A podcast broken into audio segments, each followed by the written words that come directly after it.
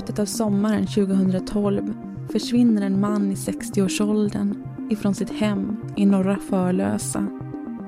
Men trots att både pass och medicin är borta så tror polisen att sanningen är mörkare än den ser ut.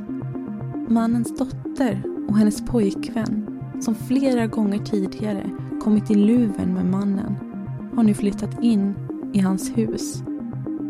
Och bara månader efter försvinnandet så börjar de renovera hans rum. Att familjen vet någonting är uppenbart. Men vad de vet skulle ta två års tid och en kvinnas starka insats för att få reda på. Och när mannen äntligen hittas så är det i en grav på en åker 700 meter ifrån sitt eget hus.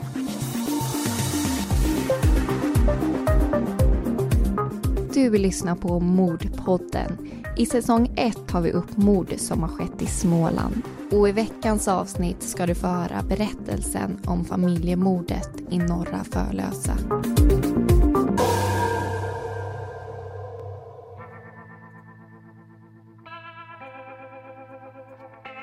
Norra Förlösa. En småort utanför Kalmar.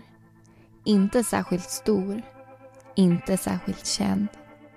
Men bakom den småländska fasaden gömmer sig ett mörker som 2012 satte den lilla orten på kartan. På en av gårdarna, även kallat Ställegården, bor Göran tillsammans med sin dotter Julia. Julias mamma försvann ur deras liv när dottern bara var ett par år gammal. Men ganska snart därefter fann Göran kärleken på nytt och Julia fick äntligen en modersgestalt.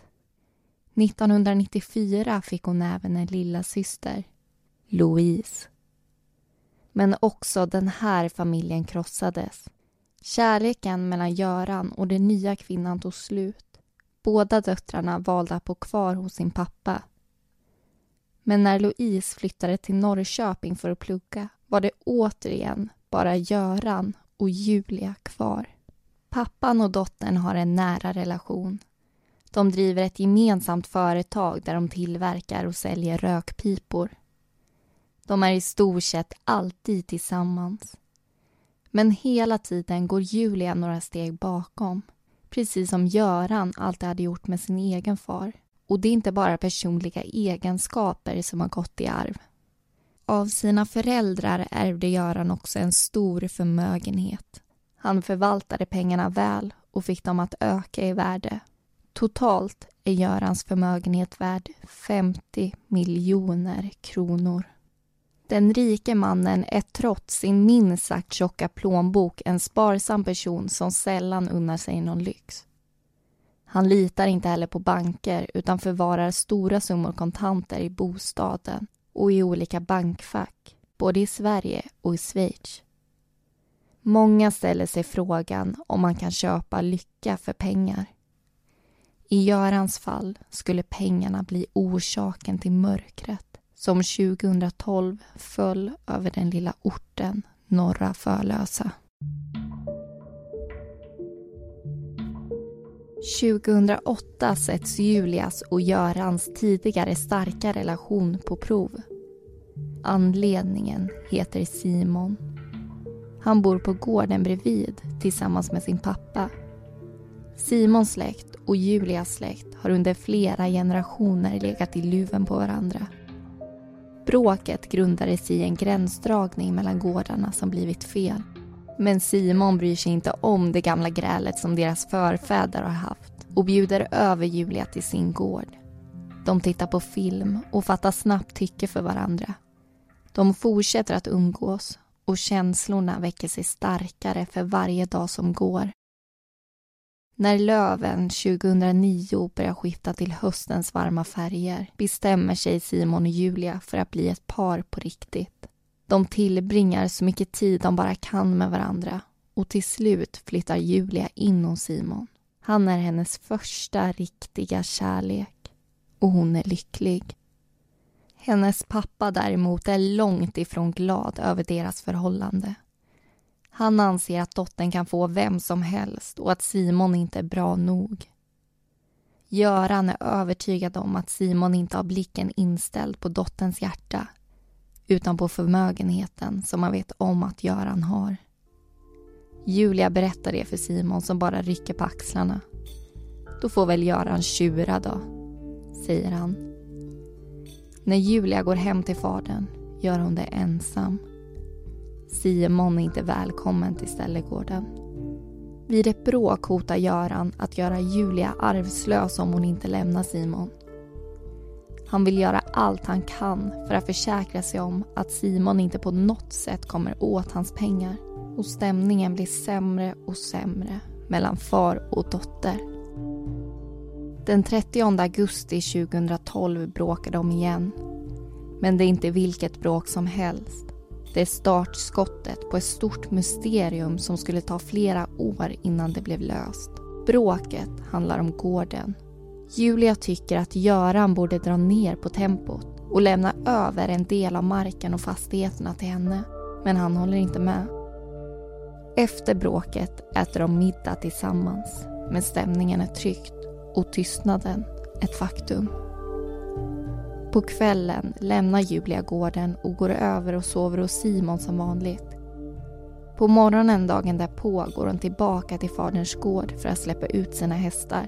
Hon noterar att Görans bil är borta men reflekterar inte så mycket över det. Precis som sin far är hon envis. När de bråkar brukar de efteråt ha någon form av maktkamp där ingen vill ta första steget till en försoning. Och det här bråket var inget undantag. Julia tänker vänta på att fadern kommer och ber om ursäkt först. Men dagen går utan att hon ser skymten av sin pappa. Hon suckar.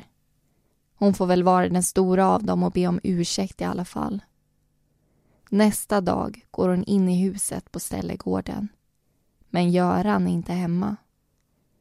Han har inte heller lämnat någon lapp som han brukar. Dagarna rullar på utan att fadern dyker upp och Julia ringer sin syster för att höra om hon vet var han håller hus. Louise vet ingenting och föreslår att Julia ska ringa till Görans exfru men inte heller hon vet var han är någonstans. Hon försäkrar Julia om att det kommer lösa sig och att han senast kommer dyka upp den 6 september på Louise 18-årsdag. Det kommer han självklart inte missa. 18-årsdagen kommer men inte Göran. Och nu är Julia säker.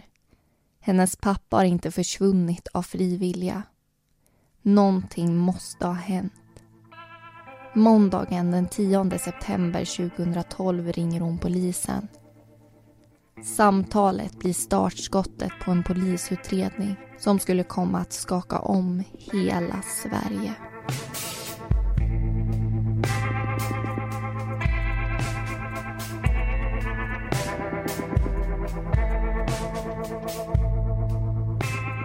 Där hörde du alltså första delen av familjemordet i Norra Förlösa. Och jag heter Linnea. Och jag heter Amanda. Och vi kommer alltså leda dig igenom den här mordhistorien.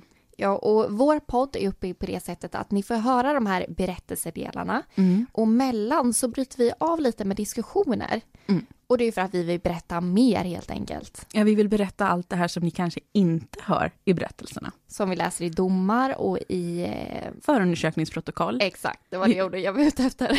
ja, här vill vi alltså grotta ner oss ännu mer i det som hände. För vi, vi vill ju förmedla allt som vi har läst. Vi kommer inte kunna förmedla allt, men så mycket som möjligt helt enkelt som ni förmodligen inte vet om. Mm. Och vi tänkte börja med det här mordet och eh, jag vill att du tar vid lite, Amanda. Vad, ja. vad gjorde du när det här hände? Ja, men för grejen är att just det här mordet mm. känner jag en stark koppling till. Eller det, jag, jag känner jag har varit med under det här förloppet för många mord är ju faktiskt äldre som jag inte ens visste om, som vi mm. kommer prata om i senare avsnitt. Men det här mordet är så aktuellt och det är så nära. Mm. Jag bor ju i Kalmar och eh, vi hade en radiokurs när rättegångarna drog igång så jag var liksom med och bevakade det här kan man säga. Mm. Och Norra Förlösa, det ligger ju bara en liten bit utanför Kalmar. Och det är ju det är något med det att ju närmare det kommer mm. desto mer spännande blir det på något sätt. Jag undrar varför mm. det är så, men när man läser i domarna och vi läser om affärer, vi läser om platser som de här människorna pratar om och så man blir, men där har jag gått, där brukar jag handla eller den gatan brukar jag åka på. Mm. Och det, det, blir så speciellt på något sätt tycker jag. Det blir lite så här som det kunde ha hänt mig-känslan, den, mm. den kommer lite mer när det är så nära geografiskt sett. Verkligen, och det är en specifik sak som mm. verkligen känns så, men det tycker jag vi ska ta upp i nästa diskussion. För ja, det, det jag vill prata om nu, Mm. det är ju att polisen kommer ju hem till Julia och Simon efter att Julia har anmält sin pappa försvunnen. Och det är lite speciellt det här förhöret eller vad man ska säga som äger rum. Mm. Ja, det polisen säger och det vi har tagit del av, vi har ju kollat på domar och förundersökningsprotokoll för den här utredningen helt enkelt. Och det polisen säger vid den här första anmälan, det är ju att de är lite svåra att prata med, Simon och Julia. Det är nästan mm. som att man får dra ur dem orden när de ska berätta om Göran och var han är eller försvinnandet i sig. Det känns ju lite konstigt för jag känner hade min pappa försvunnit hade jag ju velat säga allt jag bara kan direkt. Mm. Och samtidigt är det ju här man börjar få alla de här funderingarna kring vad som har hänt med Göran. För mm. eh, Julia hon tar ju bland annat upp det här med att passet är borta. Och eh, en väska är borta som man brukar ha med sig. Och sen är Görans medicin borta. Och det gör ju faktiskt att man automatiskt tänker att han har stuckit någonstans. Mm. Och jag tror inte att vi får glömma heller att det här är ändå två människor i 25-årsåldern som har hand om ett försvinnande av en 60-årig man. Mm. Alltså det är väldigt mycket att ha och göra med i den åldern. Svårt att hantera, ja. ja. Men nu tycker jag att vi ska återgå till den här berättelsen. För det är ju så att Julia har ringt polisen och anmält sin pappa försvunnen och nu är ju sökningspådraget i full gång. Under sensommaren 2012 söks Görans bostad och flera omkringliggande platser igenom. Hundar och hundförare finns på plats för att urskilja om det någonstans finns något spår av Görans försvinnande. De går igenom ställegårdens alla rum, från källare till vindsvåning. Två gånger om får två olika hundar söka igenom huset och markera om de någonstans får vittring av blod eller mänsklig förruttnelse. De båda hundarna markerar på exakt samma platser. Vid en tvättmaskin i källaren och på en matta i vindsvåningen. Där finns det spår av någonting som inte går att se. Men de nya fynden leder ingenstans och polisen tvingas gå vidare i utredningen samtidigt som spåren efter Göran kallnar. Samtidigt cirkulerar ryktena om ett frivilligt försvinnande i både medier och på forum. Varför annars hade Görans pass inte återfunnits? Och varför annars skulle hans medicin vara borta? Det blir snart tydligt att mycket kring Görans försvinnande fortfarande är okänt. Men Louise, Julias syster, börjar fatta misstankar kring vad som egentligen har hänt med pappan och tar därför kontakt med både polisen och Missing People. Therese är nyförordnad chef i Missing People i Kalmar län och det här blir hennes första uppdrag. Ett uppdrag som kommer forma flera människors liv inom kort och ett uppdrag hon aldrig kommer att glömma. Men hemma på ställegården blir Julia upprörd av systerns agerande. Eftersom Louise inte själv bor i närheten så blir inblandningen ytterligare ett ansvar och ett jobb som Julia får ta på sig. Kylan kryper sig på och sensommaren omfamnas av höstmörkret. Men istället gården i Norra Förlösa så lyser det i fönstren. Där inne befinner sig Julia och Simon. Efter pappans försvinnande bestämmer sig de båda för att flytta in i huset. Och redan nu fortsätter de med det renoveringsprojekt som dottern påbörjat med pappan tidigare under sommaren. Köket är nästan klart. Bara lister saknas och i vardagsrummet luktar det tapetlim efter en nygjord tapetsering. För varje dag som går så blir det dock svårare att gå förbi pappans tomma rum Det är den ständiga påminnelsen om saknaden och Julia bestämmer sig därför för att göra om även detta rum. Strax innan jul påbörjas den renovering som kommer att förvandla Görans sovrum till det nya matrummet. Plastmattan slits ut och nya tapeter pryder snart det lilla rummet som är beläget intill köket. Där Görans säng en gång stod står nu ett matsalsbord med fyra stolar. Trots pappans försvinnande så fortsätter livet på ställegården. Julia driver verksamheten och den grannfejd som en gång delade på Julia och Simons familjer är nu ett minne blott. När Simons pappa har svårt att få ekonomin att gå runt i hans företag så är det Julia som ger honom lån. Lån som totalt kommer att landa på över 1,3 miljoner kronor. Julia och Simon finner lyckan i varandra och i hemmet på ställegården. Där lämnar de det otäcka bakom sig och tillsammans får de en son. Men samtidigt händer det lustiga saker. En dag när Simon ska sätta sig i bilen så är plötsligt alla bultarna borta ur ett däck. Och i brevlådan ligger det hotbrev från någon okänd. Där står det att Julia och Simon borde flytta omedelbart.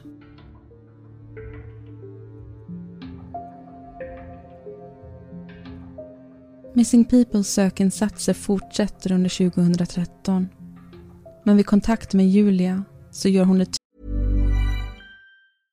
Hej, jag Ryan Reynolds. At Mint Mobile, we like to do the opposite of what Big Wireless does. They charge you a lot, we charge you a little. So naturally, when they announced they'd be raising their prices due to inflation, we decided to deflate our prices due to not hating you. That's right. We're cutting the price of Mint Unlimited from $30 a month to just $15 a month. Give it a try at mintmobile.com slash switch. $45 upfront for three months plus taxes and fees. Promote for new customers for limited time. Unlimited more than 40 gigabytes per month. Slows. Full terms at mintmobile.com.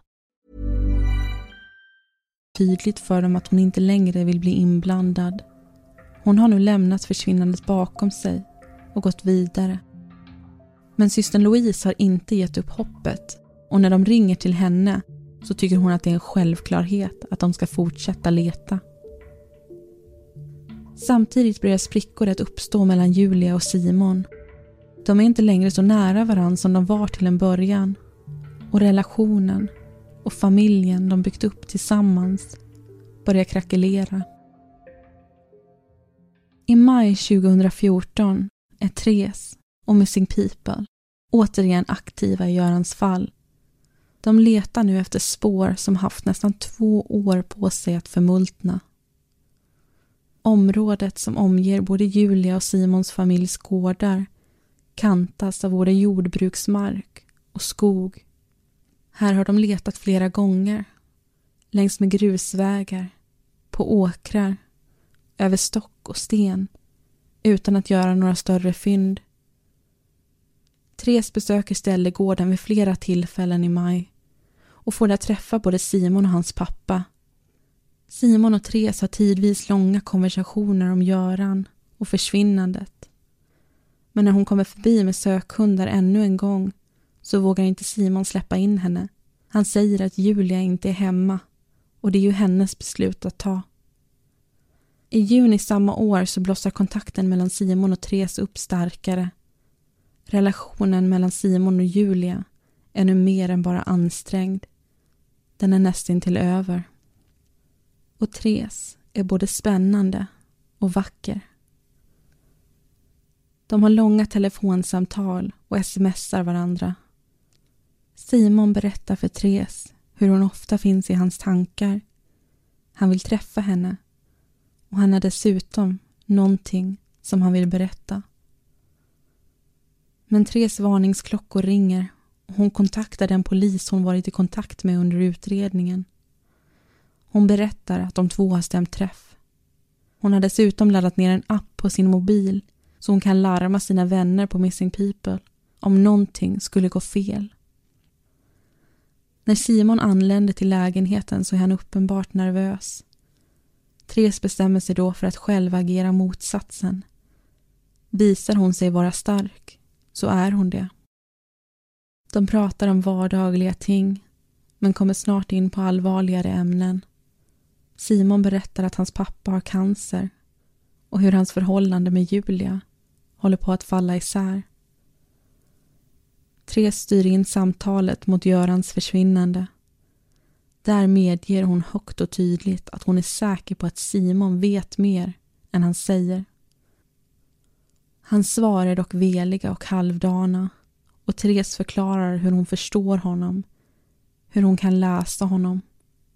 Och reaktionen, det blir som att trycka på en knapp. Simon berättar att han vet vad Göran är. Han är inte försvunnen. Han är död. Och det är inte bara Simon som vet om det. Julia, som utåt sett verkat vara så orolig för sin pappa, visste hela tiden exakt vad som hade hänt. Simon hade avfyrat det dödliga skottet. Men planeringen, den hade de gjort tillsammans. Under två års tid hade de kommit undan med mordet. Under två års tid sökte polis och Missing People efter en man som var begraven 700 meter ifrån sitt eget hus. Plötsligt blir det uppenbart varför flytten till ställegården gick så snabbt. Varför Julia inte ville engagera sig i sökinsatserna och varför pappans sovrum renoverades så snart efter försvinnandet. För Julia och Simon var det inget lustigt. De visste ju att Göran aldrig skulle komma hem igen.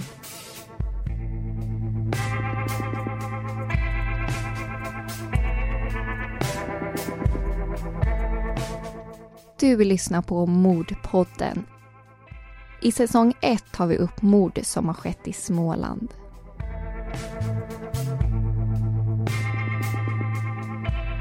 Där hörde du alltså andra delen av familjemordet i Norra Förlösa. Och först vill jag gå in lite på det här som du tog upp i diskussion 1, Amanda. Ja. Att du hade ju faktiskt någonting som du ville berätta.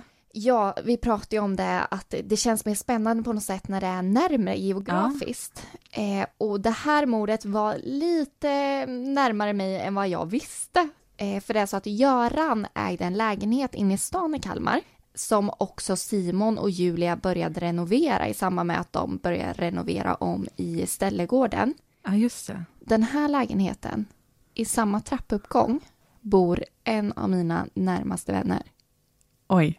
Det, det är lite otäckt nära det där. Lite otäckt. Och jag bor dessutom bara ett par hus därifrån. Och jag, jag vet egentligen inte varför man tycker att det är otäckt. För jag menar, det har inte ens skett någonting där. Men är det inte lite att Simon och Julia har varit där och nu vet vi att de faktiskt är ansvariga för det här. Ja, det är nog det. Och du kan ju ha träffat dem. De kan ha gått förbi dig på gatan som du pratade om innan. Liksom så här. De kan ha gått förbi dig och du kan ha varit helt ovetandes om det. Det har nog med det att göra, för jag, jag menar, jag vet ju att de inte skulle göra mig något. Mm. Men bara att man kanske, att jag liksom har sovit några hus ifrån ett par mördare. Fy! Usch. Ja, men ska vi, ska vi lämna det? Det är Yes. tillräckligt Kan- läskigt att prata om. ja, kan vi inte gå in på den här renoveringen ändå? Alltså, för det är ju inte bara den här lägenheten i stan de renoverar, utan de renoverar ju faktiskt pappans rum ute på ställegården. Precis, och väldigt snabbt efter att han har försvunnit. Och han försvinner ju faktiskt i slutet av augusti och i december så har de redan gjort om hans rum. Nu har han ingenting att komma tillbaka till. Och ingen säng. Nej. Det känns som att hoppet är ju borta. Det är ju ganska tydligt att i mina ögon så vet ju de att Göran inte kommer hem. Annars hade de inte renoverat bort hans rum liksom. Nej. Mina föräldrar har inte ens renoverat mitt rum och jag flyttade hemifrån för massa år sedan. Och han måste de ändå ha hoppet om att han kommer tillbaka om inte de visste att han var död. Men sen samtidigt så pratar vi om de här hotbreven i berättelserna Mm. som Simon och Julia tar emot. Och det finns ju faktiskt lite mer att säga där, för att under en husrannsakan utav ställegården så hittar man faktiskt fyra kopior utav de hotbreven. Och Där. dessutom så har ju faktiskt Simon blivit iakttagen när han iklädd handskar har lagt ner brev i postlådor i grannområdet. Ja. Så med andra ord så har Simon i alla fall, kanske Julie också var med på det, har skrivit de här hotbreven själv. Men jag undrar, jag förstår inte syftet med det. Nej. Förstår du det? På vilket sätt kan det hjälpa dem? Jag tycker bara att de drar för mycket uppmärksamhet tillbaka till sig själva på något sätt, för att här har de kommit undan med någonting ganska lång tid. Mm. Och sen så är det som att de vill att det ska uppmärksammas igen, men det kan ju vara att det här är ett väldigt litet samhälle eller en bygd helt enkelt. Och att eh, det kanske är så att alla redan vet eller alla redan pratar om det. Mm. Och att han, han vill kasta något ljus över att se, jag blir också utsatt. Ja, det måste ju vara något sånt, det är svårt att förstå. Men mm. en sak till som vi måste prata om, det är ju faktiskt Therese från Missing People som träffar Simon och han avslöjar att han är mördare. Och hon sitter där mitt emot honom. Jag hade ju sprungit därifrån, men jag, hon är ju stencool. Jag vet inte vad jag skulle ha gjort, men jag skulle ju inte ha försökt slå på en mobil, sitta kvar och det vi inte säger i berättelsen, det är ju att under tiden som hon pratar med honom så ringer ju faktiskt den här polisen som hon har kontakt med. Mm. Och det ser Simon. Och då stänger hon av samtalet. Ja. Alltså hon verkligen sätter sig i en position där hon är jätte, jätteutsatt. Aj, jag, jag har jättesvårt att tänka mig hur hon känner i det här läget. Jag hade ju varit jätterädd, men det verkar som att hon är väldigt modig och bara fokuserar på att få fast honom helt enkelt. Mm. Men om vi går tillbaka till eh, historien, för nu sitter ju faktiskt Therese mitt emot Simon. Hon vet att han är en mördare. Vad kommer han att säga härnäst?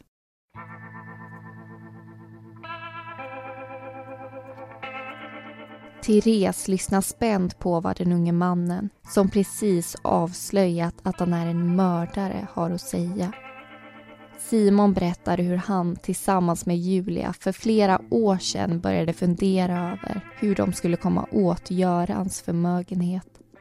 När osämjan mellan de tre började eskalera förstod de att de var tvungna att göra någonting. Och det snart. De var rädda att Göran skulle komma på ett sätt att minska Julias del av arvet. Julia hade inledningsvis planerat att köra över sin pappa med en skogsmaskin för att få det att se ut som en olycka. Men känslorna satte stopp. Hon klarade inte av det, så de började smida en ny plan. Den nya planen gick ut på att få det att se ut som att Göran gick upp i rök. Den 29 augusti jobbade Göran på som vanligt på gården helt ovetande som att Simon samtidigt höll på att gräva hans grav.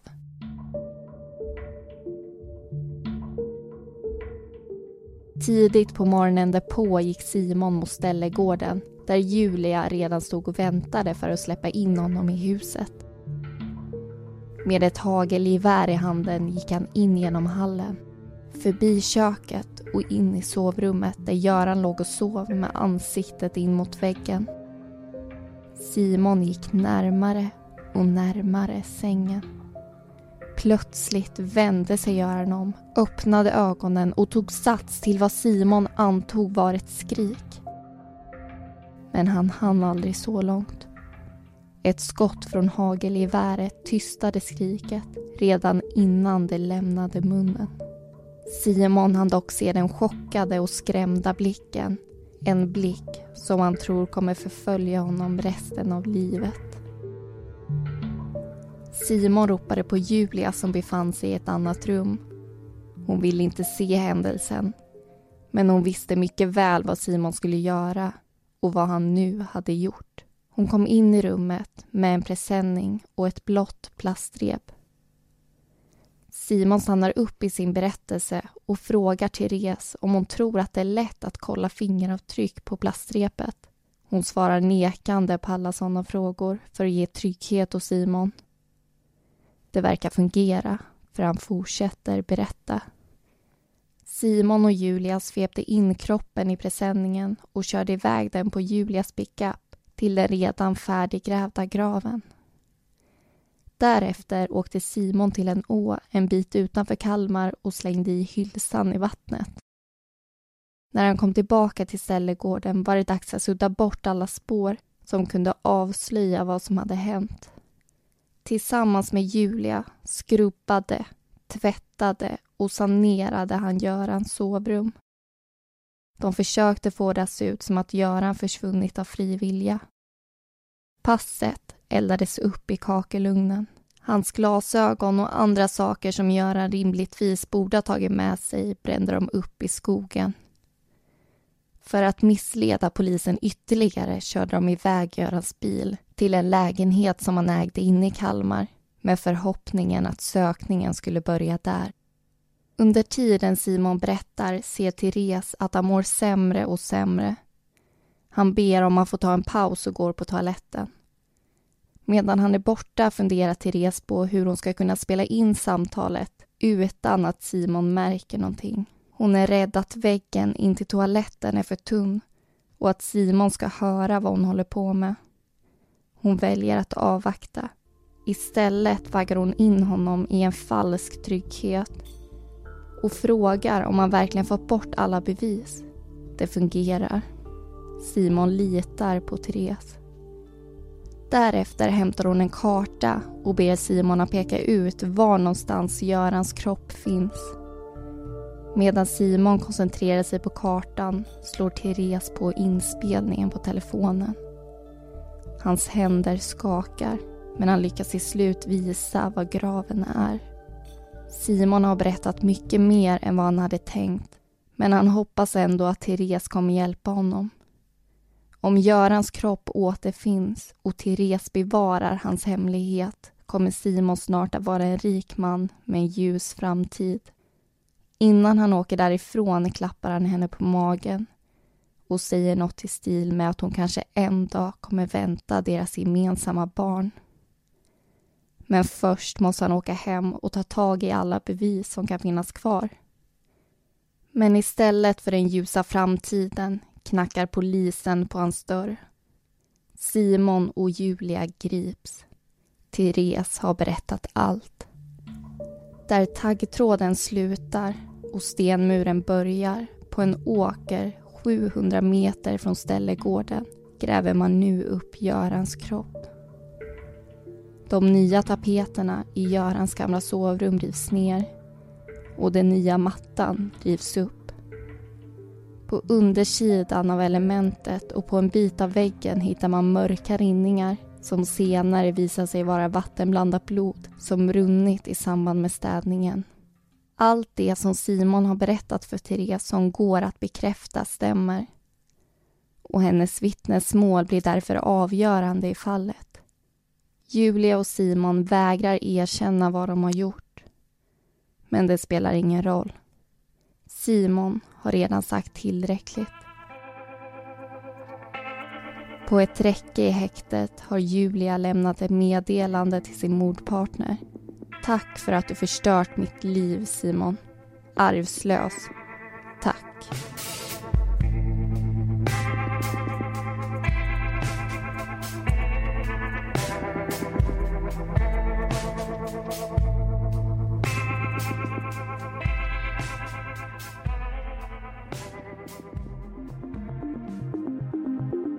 Både tingsrätten och hovrätten dömde paret till livstidsfängelse. Och det var allting som vi hade att berätta om familjemordet i Norra Förlösa. Julia, Simon och Louise heter egentligen någonting annat och all information den är hämtad ifrån domar, förundersökningsprotokoll, böcker och artiklar. Glöm inte att följa Mordpodden på Facebook och kika gärna in på vår hemsida mordpodden.com Nästa vecka åker vi norrut i Småland och då ska du få höra allt om hedersmordet i Högsby.